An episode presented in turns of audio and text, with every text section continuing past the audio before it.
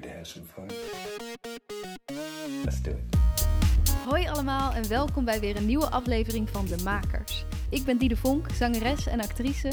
En sinds ik ook zelfstandig muziek en theater ben gaan maken, merkte ik net als veel van mijn collega-makers dat ik tegen een aantal dingen aanliep. Vragen als hoe krijg je je werk aan de man? Hoe hou ik mezelf productief? En wat doe ik als ik even geen inspiratie heb?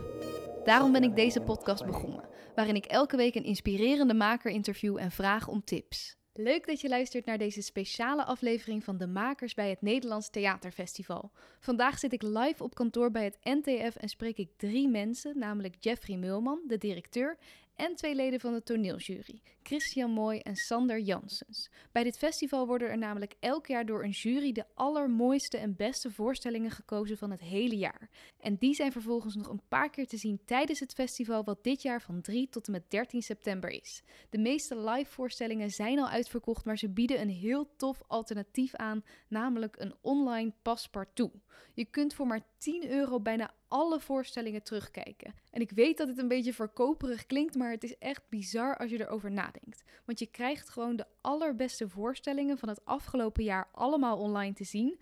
Plus nog een hele toffe randprogrammering. Met onder andere talkshows, discussies, een workshop theater kijken en nog heel veel meer. Ik vond het super interessant om een paar van de mensen achter dit grote festival te leren kennen. Van buiten lijkt het misschien een enorm instituut, maar het zijn allemaal freelancers die eraan meewerken met een enorm hart voor kunst en theater. Jeffrey vertelt bijvoorbeeld uitgebreid over hoe hij ooit begon als comedian en punkdichter. Ook hebben we het over hoe de jury nou voorstellingen kiest, wat voor thema's en tijdsbeeld ze dit jaar zien in het theaterlandschap en we bespreken de vraag die bij de opening centraal stond. Why theater? Waarom theater? En is dit überhaupt wel een interessante vraag? Heel veel luisterplezier. Ik ben Jeffrey Meulman, ik ben de directeur van het uh, festival en ook algemeen directeur van het Amsterdam Fringe Festival, want dat hoort er gewoon bij. En, uh, dus het is één organisatie eigenlijk. Met, met een, dan heeft de Fringe ook weer een eigen directeur, dat is Aukje. Ja. En uh, ja, dat is het. Mm -hmm. Ja, want het Fringe is eigenlijk een beetje een soort van het, het, het kleine zusje van ja. het Nederlands Theaterfestival. En dat heb jij ook gestart. Klopt. Ja. Volgens mij. Ja. Nou, daar gaan we het zo nog uh, uitgebreid over hebben. Ik ben even benieuwd naar de rest. Christian? Uh, ik ben uh, Christian. Ik uh, werk bij Theater de Meervaart als artistiek coördinator, een programmeur. Dus dat betekent dat ik de, het theater vormgeeft eigenlijk inhoudelijk. Van wat, wat, wat vinden we belangrijk, waar, waar, wat wil je als theater zijn, wat wil je met je publiek?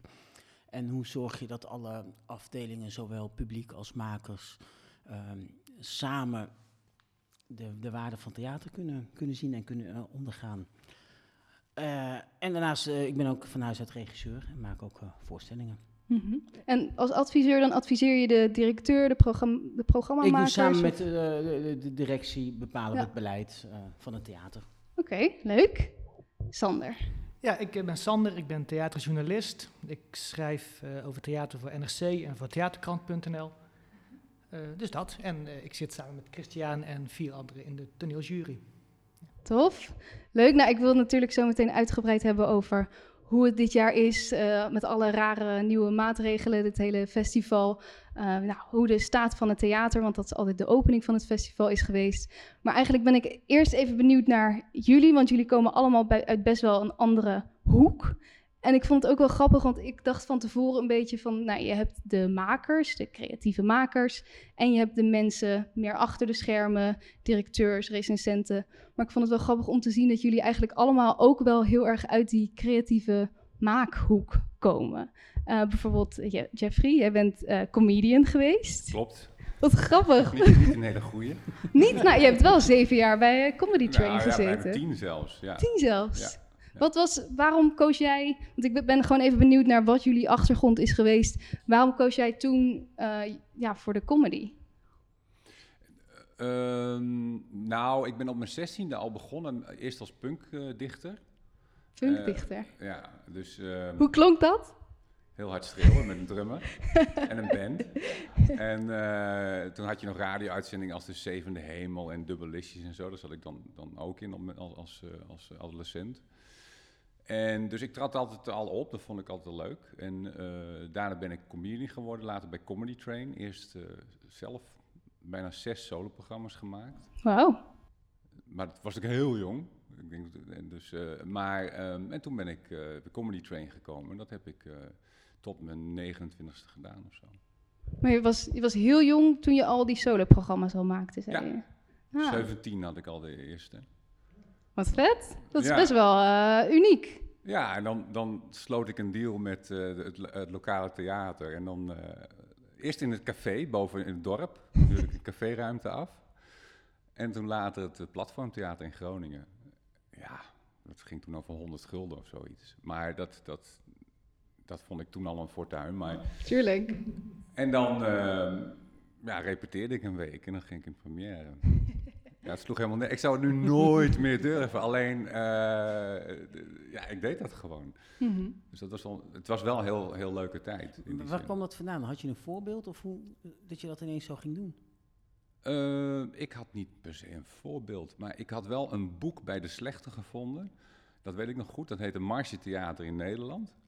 Van Steve Austin. En Het dat, mooiste theater? Nee, Marge Theater. Ja. Marge is eigenlijk fringe, hè? Dus eigenlijk ging toen eigenlijk al over de fringe. Dat vond ik een heel fascinerend boek. En toen dacht ik van, ah, dat moet, dat, zoiets moet ik ook gaan doen. En ik had wel dichters als voorbeeld. En, en dus ik was, een- ze noemden dat toen, eh, mij toen een action poet. En ehm, dat heb dat, dat op, poëzieoptreden uitgebouwd tot theaterprogramma. En toen later met een band. En ehm, ja, maar allemaal heel lokaal. Maar ik, ik zat, trad veel op in studentenverenigingen. en Dat soort Ja, dus je kreeg wel ook het publiek naar je toe of je ging naar eh, plekken waar je toch gezien kon worden. Ja, zeker. Nee, maar op een gegeven moment eh, speelde ik vier avonden per week. En dan twee, drie avonden met Comedy Train. En, en dan zelf nog solo. Maar waarom ben je dan opgehouden? Omdat ik gewoon niet goed genoeg was. Je moet Ah. je beperkingen kennen. Ja, ja, dat, Ja, daar ben ik me van bewust. Ja, op een gegeven moment kwam er een generatie. Want wij stonden, de, de eerste jaar bij Comedy Train was eh, Comedy Train totaal onbekend in Nederland. Mhm. En stand-up comedy als fenomeen ook. Ah, dus dat was toen echt nog nieuw. eh, Ja, wij gingen dus al die cafés af in Nederland. En eh, daar zeiden mensen echt van, kun je even je muil houden, want we zitten hier te drinken.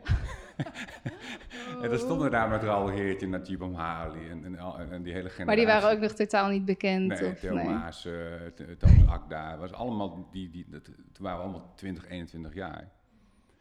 En dat was dus echt ja, het, het betere straatwerk, zeg maar. En, de, en echt letterlijk op cafés bovenop de bar en de- daar je ding doen. Dat was echt pionieren, dat was superleuk. En toen pas later kwam de club erbij en Toemler. En daar hebben we toen allemaal een aandeel in gekocht om dat mogelijk te maken en zo. Wauw. Dus dat was wel heel, heel, eh, heel gaaf. En ehm, alleen toen kwam er een generatie bij. Ik kan me herinneren, Jan-Jaap van der Wal, die was toen ook 17. En die was zo keigoed meteen, dat hij direct als laatste mocht. Dat was best, bij Comedy Train nog altijd het ding. De laatste was natuurlijk de beste. En ik was nooit de laatste, nooit, is mij nooit gelukt. Maar ik was altijd wel de eerste. Ik was wel een soort stabiele factor van leuk, maar niet goed genoeg voor de laatste drie. Maar voelde dat gewoon voor jezelf zo? Of ze- zeiden ze dat? Nee, Of- dat was ook zo. Raoul Ja, ja. stuurde, stuurde mij toevallig drie weken geleden opnames uit die tijd. En dat vond ik heel pijnlijk om te Ja, zien. tuurlijk. En ehm, eh, wat wil ik nou zeggen? Nou ja, en, en toen op een gegeven moment kwam Hans, Hans Theeuwen, met zijn Bijbelverhaal. Wat natuurlijk een iconisch verhaal is inmiddels. En wij zaten met de Groningers, want je had Comedy Train Noord en Comedy Train. En eh, wij zaten met de Groningers, waren met een busje in Amsterdam gekomen hier in, eh, in eh, nou, ik weet niet, met die asfalt. En wij zagen voor het eerst Hans Theeuwen. En toen dachten we van, nou oké, nu kunnen we Laat gewoon maar. Inpakken. nu kunnen we gewoon inpakken met z'n allen. Die zette zo'n hoog niveau. En Theo had natuurlijk ook al een heel hoog niveau. Maar voor sommigen van ons was dat gewoon niet meer bij te benen. En, en al die vlieguren die die jongens maken, want daar gaat het natuurlijk over. Die, die, die voortdurende training op al die podia en, en, en uren na uur na uur. Op een gegeven moment, sommigen worden zo goed als die al heel veel talent hebben. En dat wordt nog eens opgeplust met die vlieguren.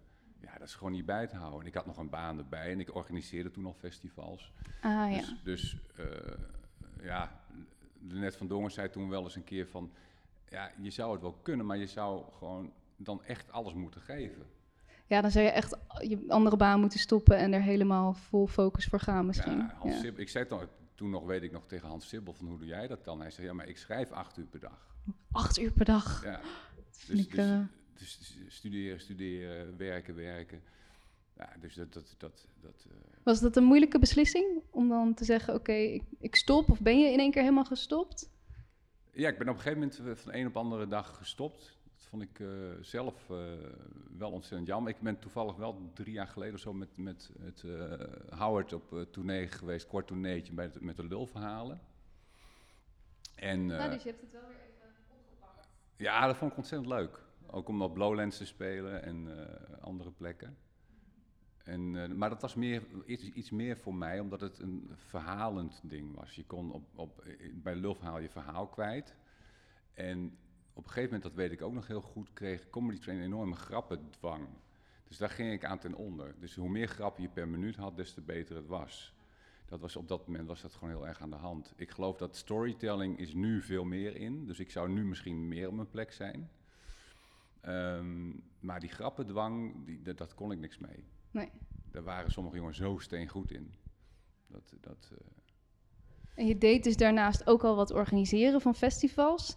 Ja. Ehm, komen we zo even Ja. op terug hoe je nou ja, van die comedy dus, dus die switch hebt gemaakt. Maar laten we even gaan naar eh, Sander. Ja. Want jij hebt eh, Writing for Performance Ja, gestudeerd. klopt, ja. ja. Dus- to- toneelschrijven. Ja, ook echt toneelschrijven. Ja. Ook met het idee, ik ga toneelstukken schrijven. Ja, ja. Je wordt, dat, is, eh, dat is een opleiding op de HKU, dus eh, in Utrecht. En je wordt daar gewoon in vier jaar tijd opgeleid tot toneelschrijver. Mhm. En daar ben ik in 2011 volgens mij op afgestudeerd toneelschrijver. En een- ik denk twee jaar later eh, weer mee gestopt. Ja? Dus heb je wel in die twee jaar ben je gaan schrijven, maar kwam je erachter, het, het is toch niet voor mij? Of? Nee, ik ben gaan schrijven en ook, eh, zeg maar, eh, ehm, voornamelijk ook een beetje in de marge. Dus inderdaad, voor festivals als het Fringe of, of Festival Over het Ei hier in Amsterdam. Dus korte festivalvoorstellingen heb ik wel geschreven toen sinds mijn afstuderen. Maar toen ben ik eigenlijk min of meer per ongeluk op een gegeven moment de journalistiek ingerold. Het was helemaal geen plan, maar dat, dat, dat gebeurde zo. En toen ben ik, ben ik gaan schrijven voor theaterkrant.nl. Ah ja. En daar ben ik eh, recensies gaan maken. En toen voelde ik op een gegeven moment van het, het, het klopt niet om aan de ene kant recensies te maken van werk van veel jonge makers vaak. En aan de andere kant ook zelf dingen te maken. Dus ik had heel erg het gevoel van, volgens mij moet ik kiezen om één ding goed te doen. En toen was voor mij wel heel snel de keuze duidelijk dat ik in die journalistiek verder wilde. Dat ik me daar toch wel eh, meer op mijn, eh, op mijn plek voelde. Ook als schrijver. Ik, ik, zeg maar, ik, ik, ik heb ook wel het gevoel dat ik heel veel van mijn, van mijn artistieke behoeften kwijt kan in het schrijven van een recensie of, eh, of, of, of, eh, of eh, een tekst over toneel. Ja. Ja, precies. Er komt dan juist ook die kwaliteit daar weer in terug. Maar ik kan me ook inderdaad wel voorstellen dat je recensies schrijft. Maar je, je bent zelf ook dus nog aan het maken. Ehm, heeft dat ook soort van geconflicteerd met elkaar? Of dat je dan mensen moest recenseren die je te goed kende? Of was dat nog een Ja, struggle? nee, ik ben dus opgehouden met zelf dingen maken toen ik ging, ging Ah, recenseren. En ik heb Ja. ook wel, ik, ik, ik eh, eh, eh, heb natuurlijk wel veel leeftijdsgenoten, theatermakers die nu nog steeds aan het maken zijn, of ook zeker destijds. Daar, daar ben ik ook wel duidelijk in van, daar, daar schrijf ik dan ook niet over. Dan gaat een collega Oh, ja? daar naartoe. Ik ga niet over...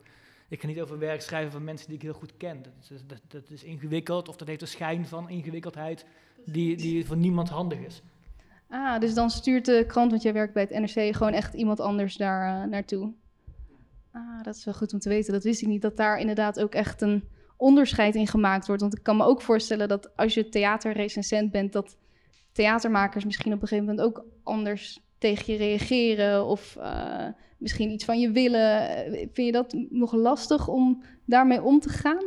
Ehm, nee, nee. Ik bedoel, ja, nee, nee, nee. Vind ik niet, niet lastig. En dat werkt bij de krant zo en ook bij de theaterkrant. Zeg maar, ik, ik, ik geef zelf aan wat ik eventueel zou willen bespreken. Dus ik maak zelf al een soort voorselectie. Dus eh, eh, nee, nee ja, ik, ik weet niet. Ik, ik, ik, heb, ik heb niet de indruk dat mensen nu ineens dingen van mij willen. Of, eh, nee, iedereen wil natuurlijk graag aandacht, vind ik, in de krant. En dat is, dat is heel begrijpelijk. Ehm, ja, maar dat, heeft geen, eh, dat, dat levert geen ingewikkelde situaties op. Word je wel eens direct aangesproken op wat je hebt geschreven door de betreffende maker of acteur? Ja, of die direct aangesproken, of eh, eh, vaker nog direct gemaild, of direct geappt, of direct gefacebookchat. dat, dat wil nog wel eens gebeuren, dat zijn altijd wel hilarische berichten. Vaak zitten die vol in de emotie, als dat, zeker als dat op, op, op, via chats of zo gaat. En dan heb ik toch altijd de neiging, ik, ik, ik, ik reageer vaak wel hoor, als, als, als, als, als, eh, makers die ik heb besproken reageren op wat ik heb geschreven. Want ik, ik, ik, ik vind een recensie is ook een onderdeel van een dialoog als het goed is. Maar ik, eh, ik probeer wel altijd te kijken van, is dit nou een hele emotionele reactie die ik, die, die, die ik heel goed begrijp als je een negatieve recensie hebt gehad, maar die eigenlijk gewoon thuis hoort, zeg maar niet bij de recensent zelf, dan, dan ga ik daar verder niet op in. Maar als mensen inhoudelijk op mijn recensie ingaan, dan eh, reageer ik altijd, ja. En heb je ook wel eens dan gedacht van, oh ja, hij, hij of zij heeft eigenlijk wel een punt, of dat je van je standpunt bent veranderd? Nee, ik heb altijd gelijk. nee, ja, nee. Het, het, gaat niet zo vaak om gelijk hebben of zo, maar ik bedoel, ik, ik, bedoel, ik heb iets gezien en dat heb ik op een bepaalde manier geïnterpreteerd. En dat, is- dat is verder niet de vraag of ik daar gelijk in heb of niet. Maar als iemand daarover, als, als, als, als iemand erover valt of mijn recensie niet goed begrepen heeft, dan, dan kan het natuurlijk zijn dat ik het niet goed heb opgeschreven. Dat, dat kan natuurlijk, nog los van het feit wie er gelijk heeft, dat is niet zo belangrijk. Maar net zoals dat als ik een werk van een bepaalde maker niet goed zou hebben begrepen, zou dat natuurlijk ook kunnen, omdat diegene het niet duidelijk genoeg verteld heeft. En hetzelfde geldt voor mijn recensies ook. Ja, als, als, eh, ja. Ja, Ik, ja. ik, ja, ja, dat, dat het niet duidelijk genoeg overgekomen is dat wat je, ja, kan natuurlijk gebeuren. ja, ja, dat is waar. Maar dat, zeg maar, ja, dat, en, en eh, dat is interessant om het over te hebben, maar het, het is niet zo boeiend om te kijken wie er gelijk heeft of niet. Het is niet eh, Nee, daar zou eh, überhaupt kunst en toneel natuurlijk ook niet over moeten gaan. gelijk. Wat is dat nou? Wat heb je daar ook aan aan gelijk, hè, Christian? nou ja, daar zullen jullie in de jury ook nog wel eh, discussies over hebben. Wie heeft er gelijk en wie ben vindt ik de meestal. beste. Ja. Dat, de- ja, soms laten we me niet waan. Nee. nee maar het, gaat voor, het gesprek is interessant. Eigenlijk is dat gewoon de, de beste voorstelling. Daar kan je, wat, dan kan je het over praten. Van wat, wat heb je meegemaakt? Wat gebeurt er met je? En, en dat, dat maakt het interessant. Wat, wat probeert het te vertellen? Is het ook gelukt om dat te vertellen? En, hoe ben je daar, en, en dat je daar dan eh, het over hebt. Dus dat, dat vind ik ook wel fijn met de jury. Dat we het ook vooral hebben over eh, wat er uitspringt en wat goed is. Dus we zitten ook bij elkaar om te benoemen Juist vanuit het positieve. We ja. zijn niet bezig met van wat was er niet goed, nee, maar van al die mooie dingen gemaakt. Van hoe, wat komt er bovendrijven? Waarom komt dit dan meer bovendrijven dan dat? En Ja. dan komen er interessante gesprekken Ja. over. En het is wel interessant dat bij sommige voorstellingen dat, dat, dat, dat de helft van de jury dit heel erg bijblijft en de andere helft dan echt een hele niksige ervaring heeft gehad. En waarom dat dat niet is, dat is dan natuurlijk interessant. Ja, ja oké, daar wil ik het zo nog heel uitgebreid over hebben. Maar we moeten eerst nog even naar Christian. Want jij bent dus regisseur eigenlijk van huis Ja. uit. En nog steeds ook. Wel minder, want ik heb heel veel eh, positieve afleiding met andere dingen die ik doe. En qua tijd ook. En een soort meer ook, ja, met zo'n theater bezig zijn is ook een soort van regisseren, heb ik gemerkt. Met een theater. eh, Ja, met het beleid van wat, wat programmeer je, wat voor, met wat voor makers ga je werken, maar ook hoe komt het publiek binnen, Eh, hoe ziet zo'n theater eruit. Dat is, dat is ook, regisseren van de. Ja. ervaring eigenlijk. ja, dus ik merk dat ik het heel fijn vind dat je soms echt heel erg eh, op de vloer, dat ik gewoon ook soms vandaar met repetities zit te kijken en soms dat je helemaal boven hangt van hoe gaan die schakeltjes in elkaar en die wisselwerking vind ik heel interessant. En dat helpt ook wel van regisseren, want dan, soms moet je al, ja, je hebt al een plan vooraf. Maar je moet ook direct op de vloer met de acteurs kunnen werken. Je moet ook met een vormgever. En die aspecten komen ook bij een theater. En wat ik wel fijn vind, dat ik nu steeds meer eh, eh, eh, mensen om me heen ook zie. Die ook een maakachtergrond hebben. Dus ook beter snappen wat er nou op zo'n podium gebeurt. En hoe je het publiek en dat podium met elkaar in verbinding kan brengen. En dat dat niet pas begint als de zaal licht uitgaat. Heel veel vergeten vast dat die voorstelling begint eigenlijk op het moment dat je bij Google aan het opzoeken bent. Ik wil vanavond naar het theater toe of ik wil iets daarvan zien. En daar moet je al, daar begint eigenlijk je voorstelling al. En dan heb je al een, al een rol als maker, maar ook een rol als theater. Dat is heel essentieel, vind ik hoor, wat Christian zegt. Ja, Want ook een, een, een festival organiseren is veel meer dan dat. Het is een festival maken. Dus je bent ook een festivalmaker wat dat betreft. En ik zou er heel erg voor willen pleiten dat, dat veel schouwburgen met name en andere zalen hun, hun werk veel meer gaan beschouwen als een artistieke praktijk. Ja. Eh, in plaats van een managementpraktijk. Precies. Dat ze zichzelf ook durven te zien als kunstenaar of als maker. Ja. Of, eh, Want ik, ik heb het gevoel dat veel schouwburgdirecteuren in een soort knellende jas zitten. Dat ze eigenlijk wel willen, maar ja, ze hebben die verdienopdracht en die opdracht van de gemeente en wat dan ook. En eigenlijk veel meer nog zouden. Ik denk dat, ze, dat, dat het imago van de schouwburgen ehm, een- een niet positief genoeg is. Ehm, ze worden erg gezien als, als eh, afnemers van, van vrije producenten, commercieel, wat dan ook. Terwijl het hart van die mensen heel erg ligt bij het, eigenlijk het maken. Ja. En, en dat komt te weinig tot uitdrukking, vind ik. Maar ligt hun hart, of durven ze dan wel dat, dat ook te zijn? Want je zegt hun hart ligt bij het maken, maar is dat voor elke schouwburg? Nou, niet voor elke, want we hebben natuurlijk heel veel schouwburgen eh, mensen opgezet die echt managers zijn met een economische achtergrond. Van de hoge hotelschool komen. En ik wil niet zeggen die mensen geen kunsthart hebben, dat zullen ze ongetwijfeld wel hebben. Alleen waar het over gaat is dat, je, eh, dat een gebouw of een festival of een, een avond uit is eigenlijk een soort moment van compositie. Alles moet bij elkaar kloppen, alles werkt op elkaar in. eh, eh, het is één compleet verhaal. Ehm, eh, en daarmee kun je een, een, een avond of een gebouw of een festival een bepaalde kleur geven, een bepaalde beleving meegeven aan je publiek. Dus in die zin is het een heel, eigenlijk een heel artistiek proces. Ja, Ja, precies. Bij sommige managedingen wordt alsof bepaalde componenten van een voorstelling, dat dat hokjes zijn die je doorgeeft. Dus je hebt, eh, vooraf heeft de directeur gezorgd dat er een bepaald soort budget is. Dan gaat de programmeur een voorstelling inkopen en die schuift die dan door naar de marketingafdeling. En die gaat een kaartje verkopen en die schuift het dan door naar degene, de duty die het op de avond ontvangt. En dan, terwijl het veel meer een, een gelaagd proces is. Dus je veel meer moet zien dat de afdeling eh, eh, die de voorstelling verkoopt, die inkoopt, die makers, dat je in gesprek gaat met de dat je samen bouwt. En dan ook denkt van, hé, hey, wat hebben wij nu in huis? Wat hebben we volgende week in huis? Wat kan samen?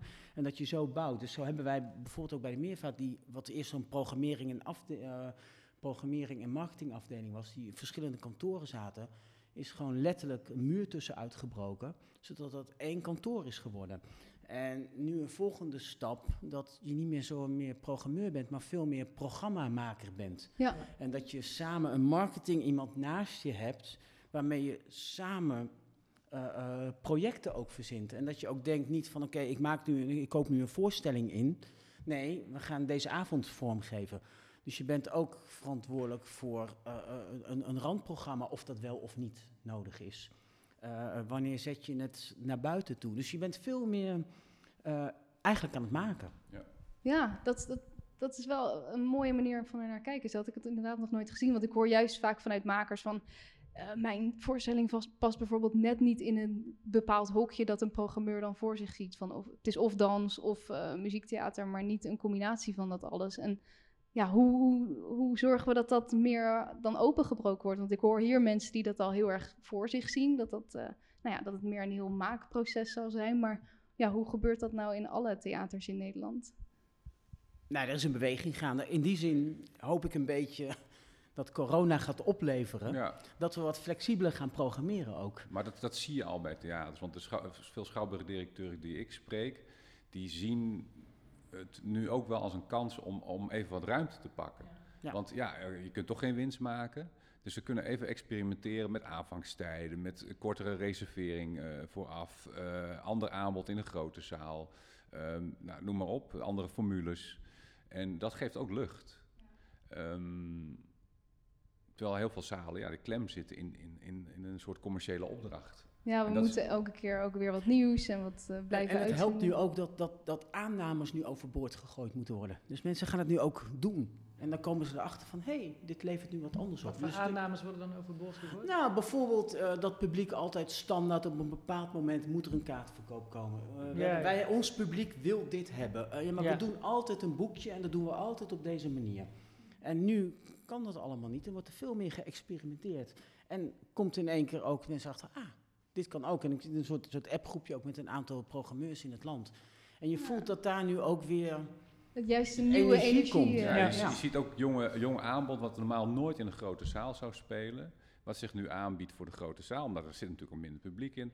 En, en ehm, wat dan opeens kan. En dan wordt opeens de deur opengezet voor, voor andere, andersoortige aanbod. Ja, en dat het dus blijkbaar ook wel iets is wat mensen willen zien. Ja, en, en ik denk dat wat heel erg gebeurd is in de afgelopen decennia, is dat, dat veel schouwburgers zijn ongewild eigenlijk meer intermediair geworden tussen publiek en gezelschappen.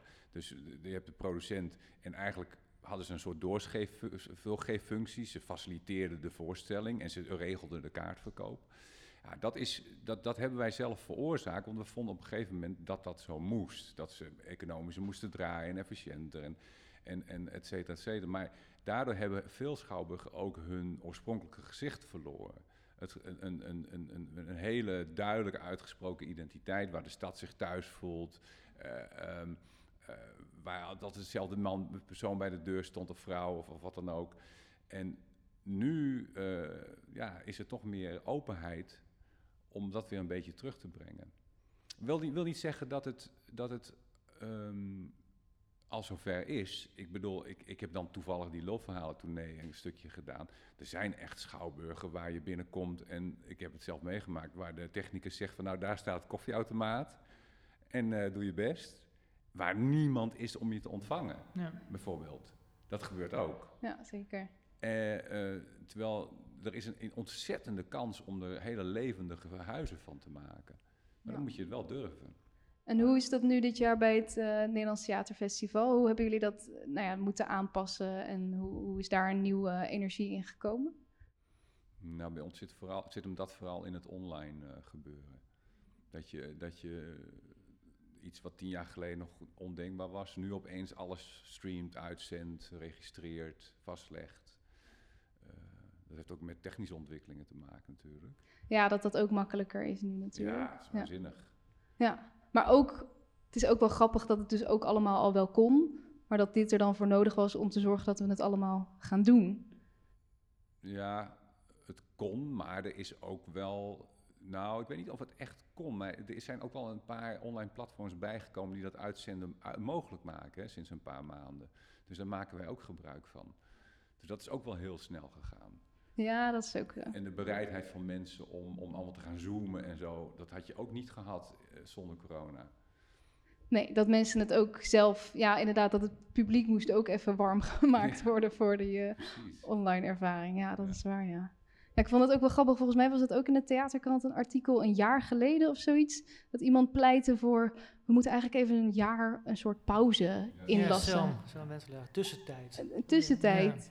En dat is eigenlijk wel eh, in zekere zin gekomen door corona nu. Of denken jullie daar anders over? Is het, al, is, het, is, is het al een tussentijd? Er- er- Of niet genoeg Met de nog? corona-uitbraak is, uitbraak is ook aanvankelijk bij veel makers een ontzettende eh, eh, productiedwang. Ja. Zeg maar, nog steeds blijven bestaan. Als je kijkt wat er allemaal eh, op het internet is gegooid sinds eh, half maart, dan denk ik dat er niet per se sprake is van een tussentijd. Nee, er kwam vooral ook een behoefte om zichtbaar te worden. Ja, om te laten zien. Ook wel en- begrijpelijk ergens. Ja, Het is wel een verandering, maar inderdaad niet echt even een rustpauze. Nee, maar ja. Nee. En, en- en veel makers kunnen zich dat misschien ook niet permitteren. Ja. Nee, er is nog geen. Er zijn wel individuele herbezinningen, maar er is nog geen collectieve herbezinning wat dat betreft. Maar er wordt wel veel meer gepraat dan, dan ooit. Er is toch sprake veel meer solidariteit dan ooit ook. Ehm, er zijn ongelooflijk veel makers met elkaar in gesprek en die zich uiten en, en, en meningen verkondigen en eh, nieuwe samenwerksvormen zoeken. Dus er is wel beweging. Ja. En ja, is en het, ik denk dat de, de onzekerheid die er was, wat moeten we nu? Dat men dat nu een beetje begint te omarmen en nu ziet van, ik kan even ademhalen en laten we inderdaad bij elkaar zitten. Wat zijn nu nieuwe plannen? Wat zou er nu kunnen? Dus ik denk dat het nu een beetje zou kunnen komen. ja, ik hoop het. ik hoop het ook. Nou, we waren eigenlijk ook nog eventjes een beetje bij hoe zijn jullie van eh, nou, jullie ja, creatieve makerspad naar hier gekomen eigenlijk. Eh, Jeffrey, we hadden het er net over. Jij bent dus wel vrij ja, opeens gestopt als comedian. Eh, je deed er al veel dingen naast. Ehm, kan je iets vertellen over jouw weg hier naartoe? Je bent nu 15 jaar directeur van Theaterfestival. Hoe ben je hier terechtgekomen? Nou, ik deed ehm, uit een soort eh, aangeboren liefde voor toneel, die, die niemand begreep, want niemand in mijn omgeving hield van toneel. eh, eh, ben ik allerlei dingen gaan doen. Dus ik deed, al interviews voor de schoolkrant en dat soort dingen op de middelbare school. En toen deed ik, dat was ik, dus die, die punkdichter, voor wat het waard is. En van daaruit vond men het bij Doe maar dicht maar. Dat was toen een landelijk poëziefestival. Een goed idee om daar een hele jonge directeur op te zetten. Dus toen was ik 18 en toen werd ik directeur van het Doe maar maar festival. Naast mijn studie, want ik deed ook nog gewoon eh, een studie. En ik deed interviews voor de, omdat ik voor de schoolkrant had geïnterviewd, interviews voor de Schouwburg. eh, op mijn eh, 17e, 18e jaar. Ehm, en dan ging ik het land door om BN'ers te interviewen. En eh, daarnaast was ik eh, podiumbouwer en eh, technicus, eh, voor, voor zover ik dat kon. Ook nog allemaal. Allemaal gedaan, allemaal daarnaast. En op een gegeven moment, eh, omdat ik toch bekend stond als een betaalbare comedian, laat ik het zo zeggen, Goede reputatie. hadden, ze, hadden ze iemand nodig op de parade die mensen naar binnen eh, wilde praten. En toen ben ik, eh, met een ouderwetse term, stoepenier geworden op de, op de parade. Dus eh, mensen voor de tent naar binnen praten. Van, eh, Oh, vanavond in deze tent, en dit en dat. Ja, ja. En, eh, het parade maken, maar dan... precies, ja. ja. maar dan Dat- betaald. Dat, dat deden ze toen met mensen die niet aan de En bij ons in voorstelling Groningen in ieder geval wel. Wauw. En, ehm, eh, ja, en dan stond ik voor zijn tent en dan riep ik van, nou, vanavond in de tent Freek de Jonge. En dan stonden die Groningers ervoor van, ja, het zal wel. maar, maar hij was er wel, maar goed, dat geloofden ze dan niet. En, ehm, en da- dat, dat, dat heb ik dus gedaan. En toen vanuit de parade werd ik, eh, als, als, als stoepenier, werd ik dan publiciteitsmedewerker van het Bevrijdingsfestival. En toen van Noorderzon werd ik programmeur Noorderzon. En zo ben ik in dat festivalwereldje ge- ge- gerold. Maar ik had dus wel tot mijn dertigste wel tien baantjes naast elkaar, zeg maar. Ja. En hoe is dat nu? Doe je nog steeds veel dingen naast elkaar? Ik ben nog steeds freelancer. Dus ik ben na mijn 29 ben ik directeur geworden in Utrecht. Dat heb ik vijf jaar gedaan. Festival aan de Werf, Huis aan de Werf. En eh, daarna ben ik eh, dit gaan doen. En ik doe daarnaast nog andere klussen. Dus ik bedenk nog steeds eigen projecten. En eh, soms word ik ingehuurd, soms adviseer ik. Dus allerlei verschillende dingen. Ja, dus een festivaldirecteur is ook niet een fulltime baan. Dat is ook iets wat je dus eigenlijk als freelancer... Eh, dit is doen. geen fulltime baan. Eh, dat zou het wel kunnen zijn als ik daarvoor gekozen had. Als ik bijvoorbeeld had gezegd van nou, ik doe ook het zakelijk, zakelijk leiderschap erbij of zo, had ik het fulltime kunnen doen. Maar aan, aan de andere kant, ik vind ook principieel niet dat het een fulltime baan zou moeten zijn. Het is een tiendaags festival. Ehm, ehm, eh, ja, dat, dat, voor mij voelt dat gewoon niet goed. Ik, eh, de dingen moeten wel in verhouding staan. Ja, en misschien vind je het dus ook gewoon leuk om nog andere dingen erbij te Dat doen. sowieso. Ja. Dus ik vind het ook ontzettend leuk om nieuwe projecten te bedenken en die van de grond af aan op te bouwen. Dus dat, dat, dat is altijd wel de uitdaging. En ik, ik heb moeite met eh, eh, het institutionaliseren, zeg maar. Nu zullen veel mensen dit zien als een, ook als een instituut zien inmiddels, maar dat is het eigenlijk niet. Het is een vrij kleine club met van freelancers die dit doet. Dat geldt ook voor de Fringe. En dat houdt het ook wel heel fris en, en levendig en flexibel. Ja, ja, als je een fulltime baan hebt, dat je misschien een beetje achterover gaat zitten of zo. Of dat jullie... Ja, dat is nu niet het geval. Ehm, dat is zeker niet het geval. Het is, een, het is een dilemma. Kijk, ik vind enerzijds dat mensen eh, goede contracten verdienen en eh, goede CAO en dat soort dingen. Dus ik heb enerzijds wel moeite met het feit dat dat niet zo is. Anderzijds heb ik ook moeite met logge instituten. Ja. Dus, dus het is, die, die tussenweg heb ik gewoon nog niet gevonden. Misschien ook wel, maar. ehm, kijk, als, laat ik het zo zeggen. Ehm, de baan die ik nu heb, of de, de klus die ik nu heb, daar kan ik niet van leven. Dus dan moet ik klussen naast doen. Als ik aan de andere kant denk van. ehm, eh, zou ik het nou zien zitten om dit van 9 tot 5 te doen? En dan wel pensioen krijgen en wel die dertiende maand of, of wat dan ook, zou ik dat dan leuk vinden? Dan is het antwoord daarop ook nee. Dus ik ben daar nog gewoon niet uit. ja. Dus dat is gewoon nog een beetje zoeken eigenlijk. Ja. Ja. Maar volgens mij heeft het festival ook een bepaalde dynamiek nodig. Omdat je- dat je, dat je niet alleen maar opgesloten bent in zo'n festival. Omdat het natuurlijk de hele tijd elk jaar andere selecties zijn, andere bewegingen. Wat volgens mij gelukt is, de Laren, om die festival echt aan te laten sluiten bij wat, wat er nu gebeurt. En, en ook voor een deel vooruit te kijken. Maar volgens mij komt het ook doordat iedereen ook op andere plekken aan het Ja, werk is. Dat, dat vind ik een plus van mijn team. Dat iedereen eh, eh, allemaal verschillende functies eh, heeft op verschillende plekken. Dus dat houdt ook die voeling met het, met het, met het veld. Ja, precies. Ehm, Ja, daardoor word je ook niet een soort instituut dat erboven staat, maar echt dat er middenin zit. nee. Hoewel me- sommige mensen dat wel zo zien. Hè? Maar Dus wij moeten wel vaak uitleggen van... oh, we zijn helemaal niet dat instituut waar je ons voor aanziet. Maar goed, dat is, dat is ook window dressing. Daar heeft het festival ook belang bij. Waar ik ook nog wel benieuwd naar was, is je hebt in 2014 het, de, de Amsterdamprijs gewonnen ook voor je werk als festivaldirecteur hier. Ehm, wat was het dat jij had gedaan in je jaren hier als directeur eh, dat ze jou die prijs gaven? Ik was ook verbaasd, want ik, normaal gaat hij altijd naar kunstenaars. Ja, Ja, ehm, had te maken met het feit dat het, het was het, nou, ik had mazzel dat er een nieuwe categorie in was eh, gesteld, de categorie beste prestatie. En die, eh, die kennen ze toe eh, voor mensen die zich verdienstelijk hebben gemaakt. In en waar het hun om ging, volgens mij, was dat het festival, ondanks de crisis, toch heel erg gegroeid is. We zijn eigenlijk met minder middelen toch qua uitstraling heel erg gegroeid. Die Fringe is er natuurlijk bijgekomen. Fringe is toch een, een, een festival. eh, Dat is niet, niet, niet mijn verdienst, maar vooral de mensen die dat gerealiseerd hebben. Maar Fringe is toch een, een echt heel leuk festival. Echt een heel interessant festival geworden. Waar veel jonge makers eh, eh, heel veel plezier eh, hebben. Wat echt een heel leuk podium is. Dus dat, dat hebben ze beloond. En ehm, ik denk ook de voortdurende poging om nieuw publiek te zoeken. Dat, dat stond ook eh, in het, in het, eh, in het juryrapport, dat je met niet aflatende energie blijft proberen om nieuw publiek te interesseren voor toneel en theater. En dat hebben ze gewaardeerd. mooi. Ja. Tof, mooie, mooie, mooie prijs. En klinkt ook, nou ja, terecht dan. Als je, als je dit zo zegt, denk ik, wauw, wat eh, bijzonder dat je dat inderdaad zo jaar in jaar uit bent blijven doen.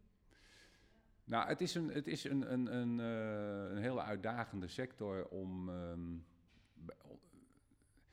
het is een sector die met echt weinig middelen veel moet doen. En, en eh, als je nou bijvoorbeeld neemt dat, dat gala van het Nederlands Theater van ons. Dat is het, het goedkoopste gala ever. Ik bedoel, en dat, dat, dat, dat, daar is gewoon geen geld voor. Maar het, maar het ziet er altijd goed uit, dankzij de mensen die daaraan aan meewerken. En, en dat. eh, ja, en dat, dat is gewoon gewaardeerd. Men ziet dat wel, van oké, er wordt toch iets met, met nul geld gerealiseerd. Ehm, niet dat we daar trots op zijn, want ik zou liever willen hebben dat we mensen gewoon fair practice eh, kunnen betalen. Maar ehm, de enige troost is dan dat wij er zelf ook niet voor betaald krijgen op dit moment. Dus het is een, dus het is een beetje een dubbel gevoel. Enerzijds ben je dan blij van, goh, dat is een enorme erkenning. En anderzijds denk je ook van ja, maar ja, het zou toch fijn zijn als er gewoon wel een normaal Nederlands gala voor theater zou kunnen zijn. Dat zou er inderdaad toch gewoon moeten zijn, zou ik ook denken. Ja, maar dat is. Dus, dus ik had daar ook wel met een goede vriend van mij ook wel een, een conflict over, die, die ik al heel lang ken, waar ik al heel lang mee werk. Die zei ook van. eh, van ja, misschien had je het gewoon niet moeten toestaan. Misschien had je moeten zeggen van oké, ehm, als er geen geld is, dan ook geen gala. Eh, gewoon heel principieel. Als niemand het betaalt, doen we ook geen gala. Maar ik kan dat ook niet over mijn hart verkrijgen. Ik vind eh, dat het Nederlands theater ook een gala verdient. En dat we ook met z'n allen ons vak moeten vieren. En dat we onze acteurs in het zonnetje moeten zetten. Dus we gaan dan toch, ondanks alles, dat, dat, dat eh, mogelijk maken. Ja, En vaak zeggen mensen van, en dat is natuurlijk ook het groot probleem met de sector. De sector gaat altijd maar door. En Mhm. gaat Ja. altijd toch, het toch doen. ook Ja, precies. geld. En dat weten mensen ook. Ja want is- misschien als je het echt niet zou doen, dat er dan een andere manier zou worden gevonden om het wel te kunnen financieren. Of, Ja, dat is altijd het Ja. gevoel wat je dan hebt. Ja. maar ja, dat, dat, dat weet je natuurlijk niet, Ja. of dat zo is. Dus we slepen het met, dat bij de haar, en met de haren erbij om het wel te realiseren. En, maar het is een, het is, het, ik, ik vind het ook pijnlijk om te zien dat, dat eh, als je op het filmfestival bent, ja, dan eh, komen de schalen met kroketten en alles. En, en, en wij beta- iedereen betaalt die zijn eigen kaartje hè, om dat gala te financieren. Dus ook alle acteurs. En daar eh, gaan de glazen champagne en het is eh, gesponsord en wat dan ook. En dat is toch een andere business. Iedereen ziet er fantastisch uit en ja, dat, dat krijgen wij gewoon niet voor elkaar. Is, dit is veel armoediger. Ja, ja. Tegelijkertijd is het ook een van de leukere gala's, omdat het ook weer... eh, Het is ook ja, geen opsmuk of gewoon... het is ja. eh, licht anarchistisch. eh, het past ook wel erg. Ik wil nog even naar de, de jury. eh, want eh, Christian, jij doet vier jaar nu? Drie jaar? Dit is het derde jaar. Derde jaar. Hoe word je, hoe word je nou toneeljury? Eh, daar word je voor gevraagd. En, en wie, wie kiest dat? Kiest Jeffrey dat? Of? Nou, volgens mij for- formeel eh, wordt er ge- gescout en zijn de, eh, heb je de VCD en het Theaterfestival, die hebben een bestuur. En die uiteindelijk benoemen de juryleden. Oké. Ja. En hoe, dus jij was gescout? Eh, Ja, ik was gevraagd of ik eventueel interesse had. En toen eh, kreeg ik eh, dat ik, ja, dat ik er graag bij mocht. En, En toen heb ik, zei ik gelijk ja, dat was heel Ja? fijn. Ja. was dat gelijk een duidelijke keuze? Ja, was gelijk en duidelijk. Volgens mij had ik me eerder ook wel eens uitgelaten over de jury eh, eh, keuzes en zo. Van, hé, hey, hoe komen ze nou tot die beslissing? Dus ik had me al wel een beetje eh, laten weten van, hé, hey, wat een goede keuze. Of van, hé, hey, wat opmerkelijk. Dus ik was al een beetje gemengd, beetje beetje gemengd in het gesprek, ja. Oh, ik dat? zou dat zo doen? Of wel Dat, slim, ja.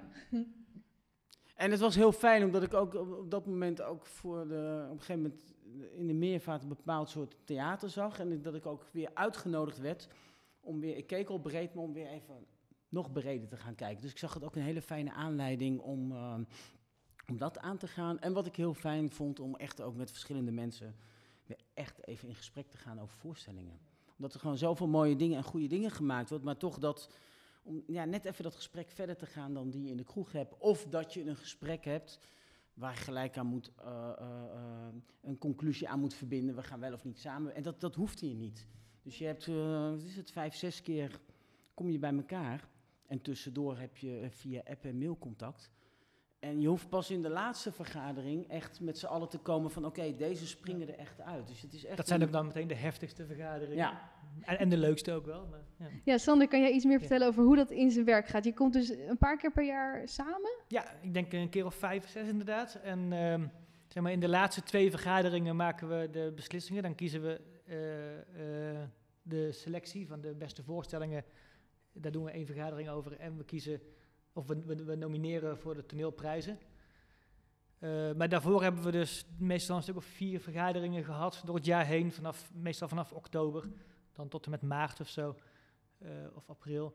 Waarin we gewoon eh, bij elkaar komen en twee uur lang gaan, gaan praten over wat we gezien hebben. En waarom deze voorstelling zo mooi was. Waarom deze acteerprestatie echt door iedereen gezien had moeten worden. En, en ziet ook altijd, eh, want jullie zijn met z'n zevenen, ziet ook altijd iedereen van de jury dan die voorstelling? Nou, in principe, als je een voorstelling hebt gezien waarvan je denkt van, oh, dit is echt jurymateriaal. eh, dit, dit, dit gaat misschien de selectie halen. Of dit, dit, is wat mij betreft echt een voorstelling die eh, een, een, een, een toneelprijs op gaat leveren.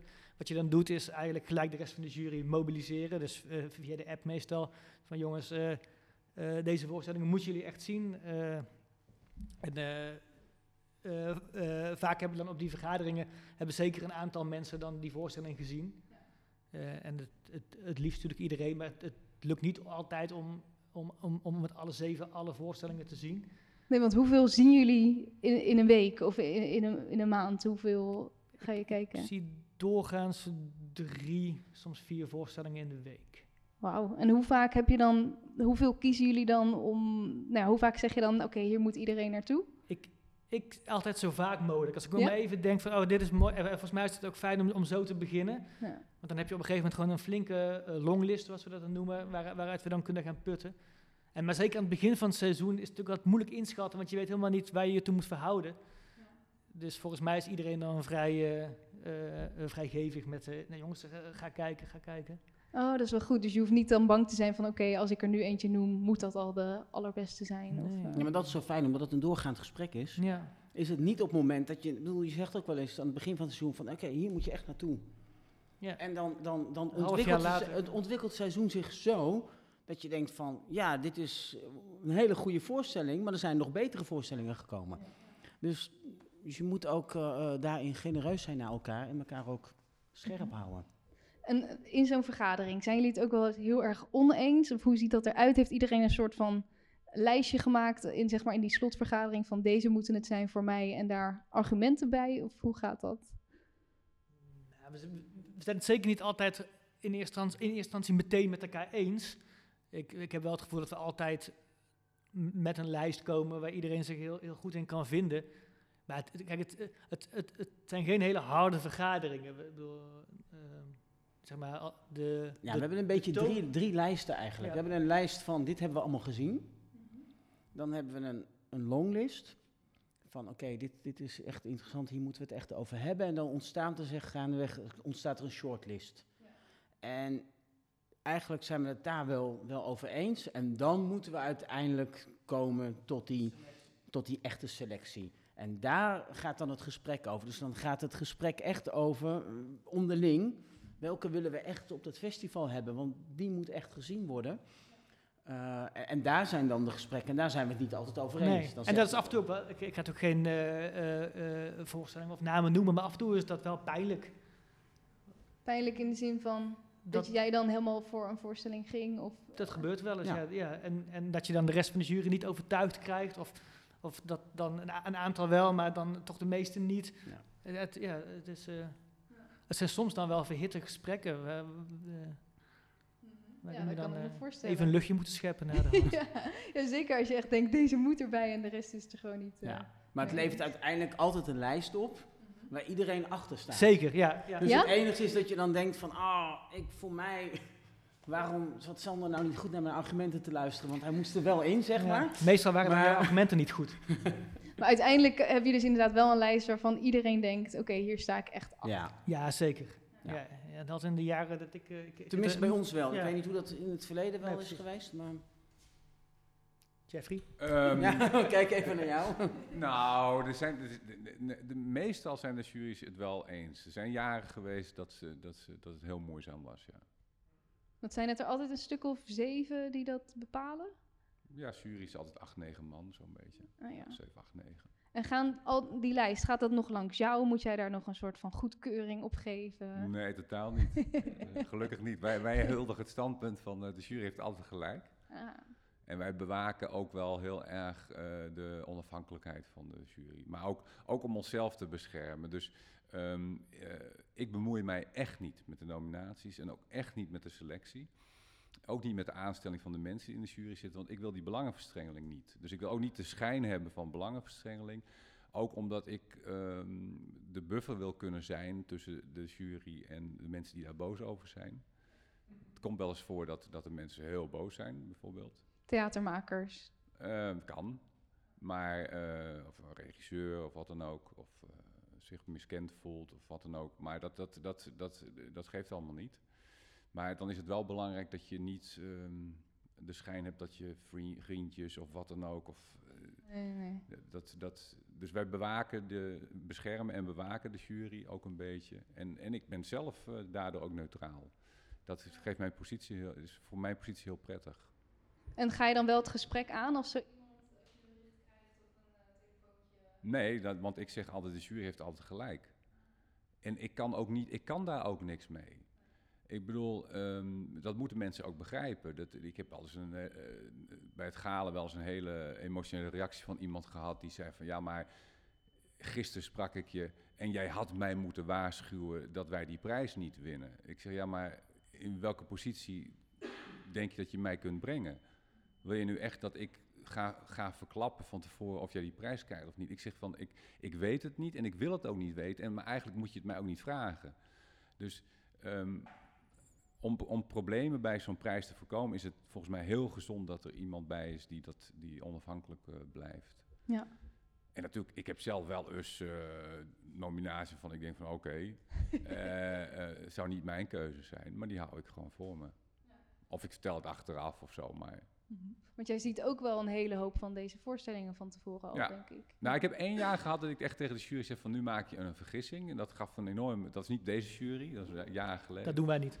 En uh, toen zei de toenmalige voorzitter, nou dan doe je het maar lekker zelf. toen zei ik, oké, okay, ik, ik bemoei er niet meer mee.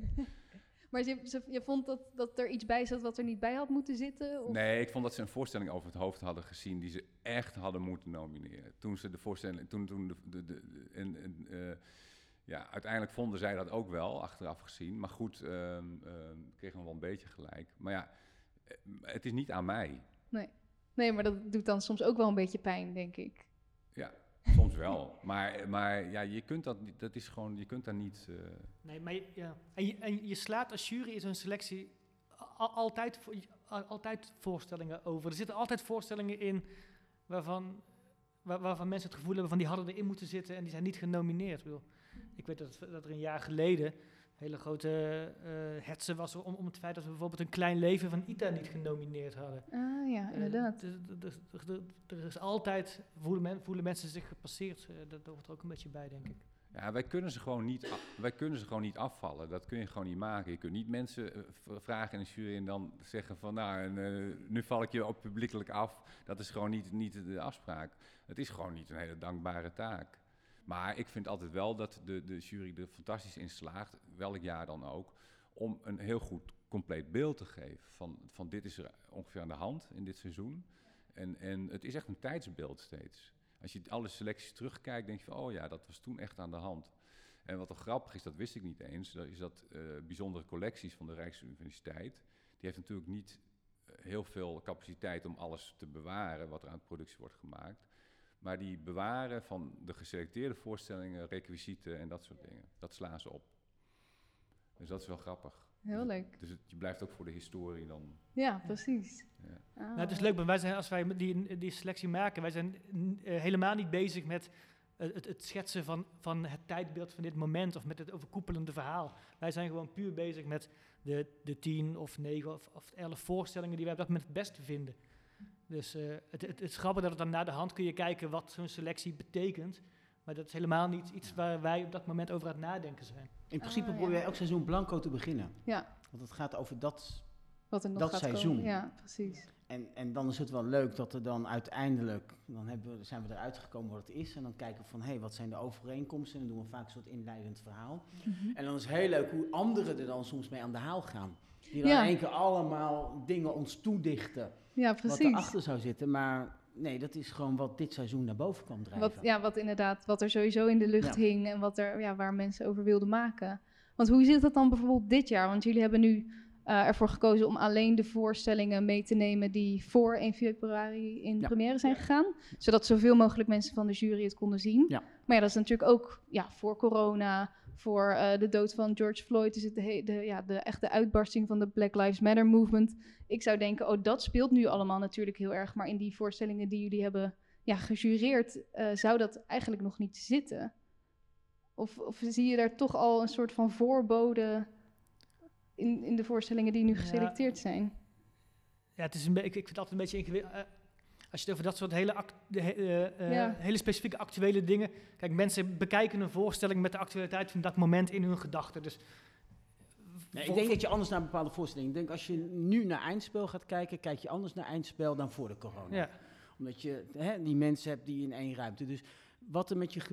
Een goede voorstelling, die, die, die, die refereert ook wat er nu gebeurt. En dat neem je als kijker mee Ja. de, Ja, zaal in. ja, dus dat zou ook dan van toepassing moeten zijn Ja. op meerdere... Maar we kijken ook niet, het is ook niet de vergissing van, om te denken van oké, dit speelt nu in de, in de samenleving. Dus wij gaan eens even kijken welke voorstellingen daarop van Nee, toepassing zijn. Nee, er zijn voorstellingen die komen en die blijken van heel goed te zijn. En die blijken ook te resoneren met wat er nu aan de hand is. Ja. En dan heb je een mooie win-win situatie. Dat je denkt van wauw, mooi dat dit, dat dit samenkomt. Ja, gisteravond hadden we de, eh, de Othello van het Nationaal Theater. Nou, die hadden daar een voorprogramma voor gezet. Nou, als het over Black Lives Matter gaat, dat was zo indrukwekkend. Dat hadden ze zo goed gedaan. En heel erg goed uitgelegd eh, ja, in, hoe je Othello, naar Othello zou kunnen kijken. Hè, een zwarte man.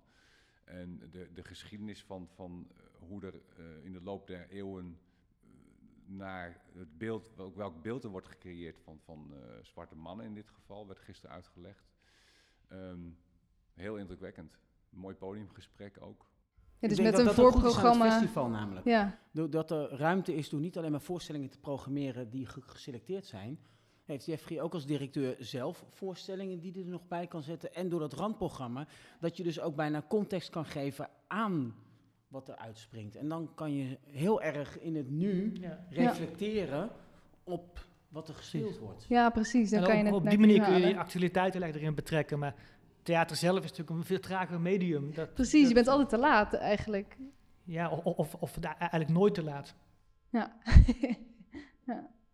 En hoe, wat, zien, wat hebben jullie het afgelopen jaar gezien? Wat voor thema's komen heel veel terug? Of wat, wat, wat hebben jullie nu als tijdsbeeld meegekregen? Nou, er zijn wel veel voorstellingen waarin je eigenlijk een soort inkijkje kreeg in, de, eh, in, in personages, in, in persoonlijkheden. Met, met, met Immens duik je echt even een hoofd in. Bij het dagboek van een leeg bed duik je in een hoofd. Eigenlijk in Othello voor een wordt ook die binnenwereld.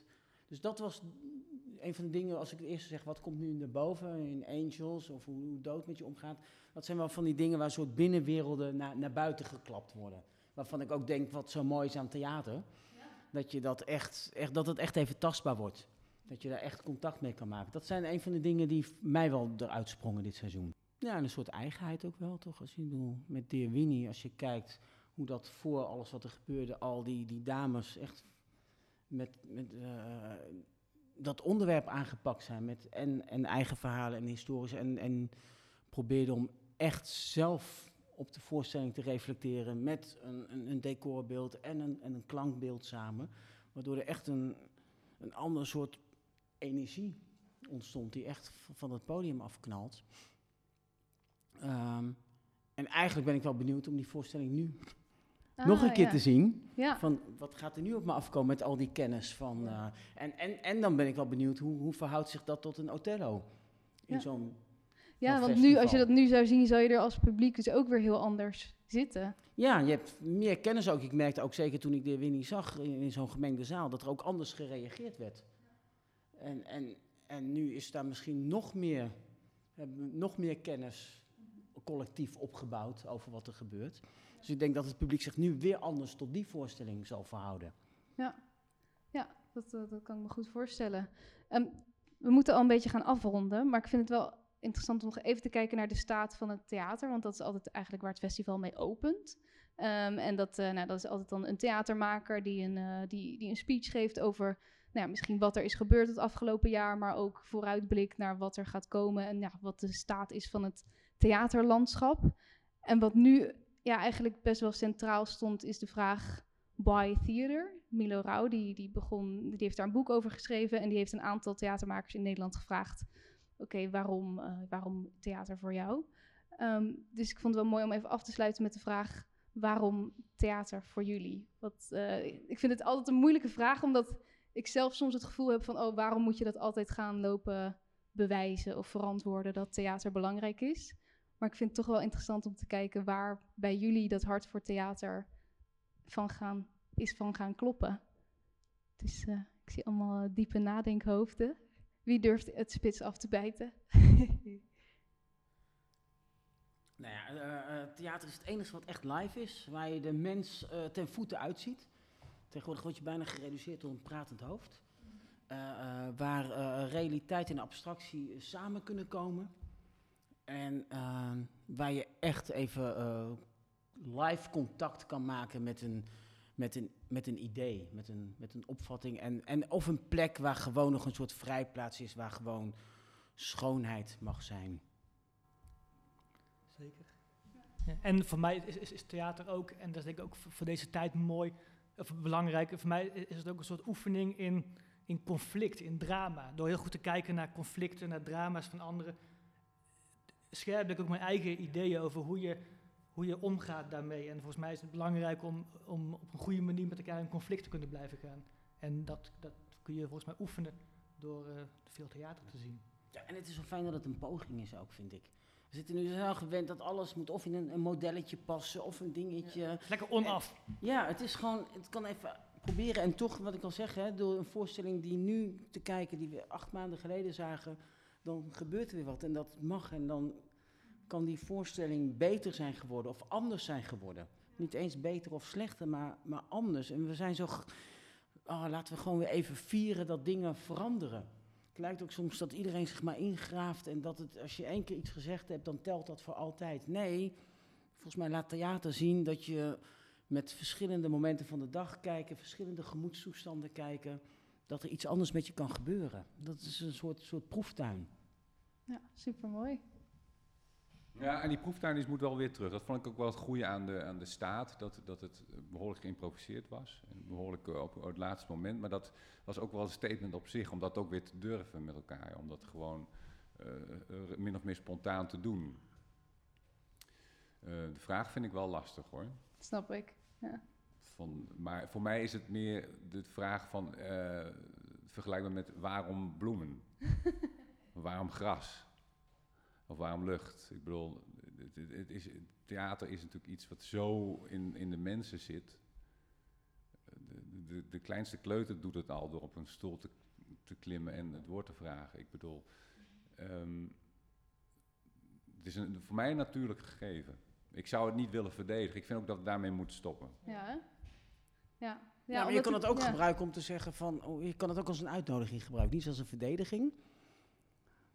Maar van, wat, wat kan je hier nog meer, ehm, nog extra In halen? de Wat stelling van de vraag word je wel een beetje gedwongen. Ja, nee, in dat een klopt. Dat is het ding, ja. Ja, ja, ja. Ja, ik moest een beetje denken aan het boek. Je hebt zo'n boek, eh eh, Directors Talk Theater, waar ook allemaal regisseurs aan het woord komen. Van eh, de jaren tachtig is dat boek of zo. Waar vooral iedereen gewoon deelt hoe die maakt en waar hij mee bezig is. En dat is een soort hele inspirerende manier. Daar zitten hele tegenstrijdige opvattingen in. Dus ik hoop dat dat in dat boek ook komt. Waardoor je, Maar dat was ook in de staat wel een beetje. Ik, ik, waardoor je geïnspireerd wordt waarom je iets Het mag wel gaat doen in zijn. plaats van ja. een verdediging. Want dat is soms denk ik ook wel, dat vind ik soms wel met alle meningen. Dat soms mensen wel heel erg proberen het theater in één hoek te drukken van dit moet het zijn. Dus dat vind ik dan wel weer fijn van de staat nu ook. Van nee, het, het theater zijn echt verschillende aspecten. En, en soms is het heel activistisch, maar soms is het ook een rete goed gespeeld iets wat heel tijdloos is. En die of twee een heel dingen... gek gedicht. Of een gek gedicht, ja. Hè? Ehm, En, en die dingen kunnen, eh, moeten naast elkaar bestaan. Ja. Dus juist het experiment en het proberen en de poging. Ja, nou ja, die, die, die proeftuin ook, ja. Maar waarom theater voor jou dan? ja. Oeh, dan krijg ik hem terug.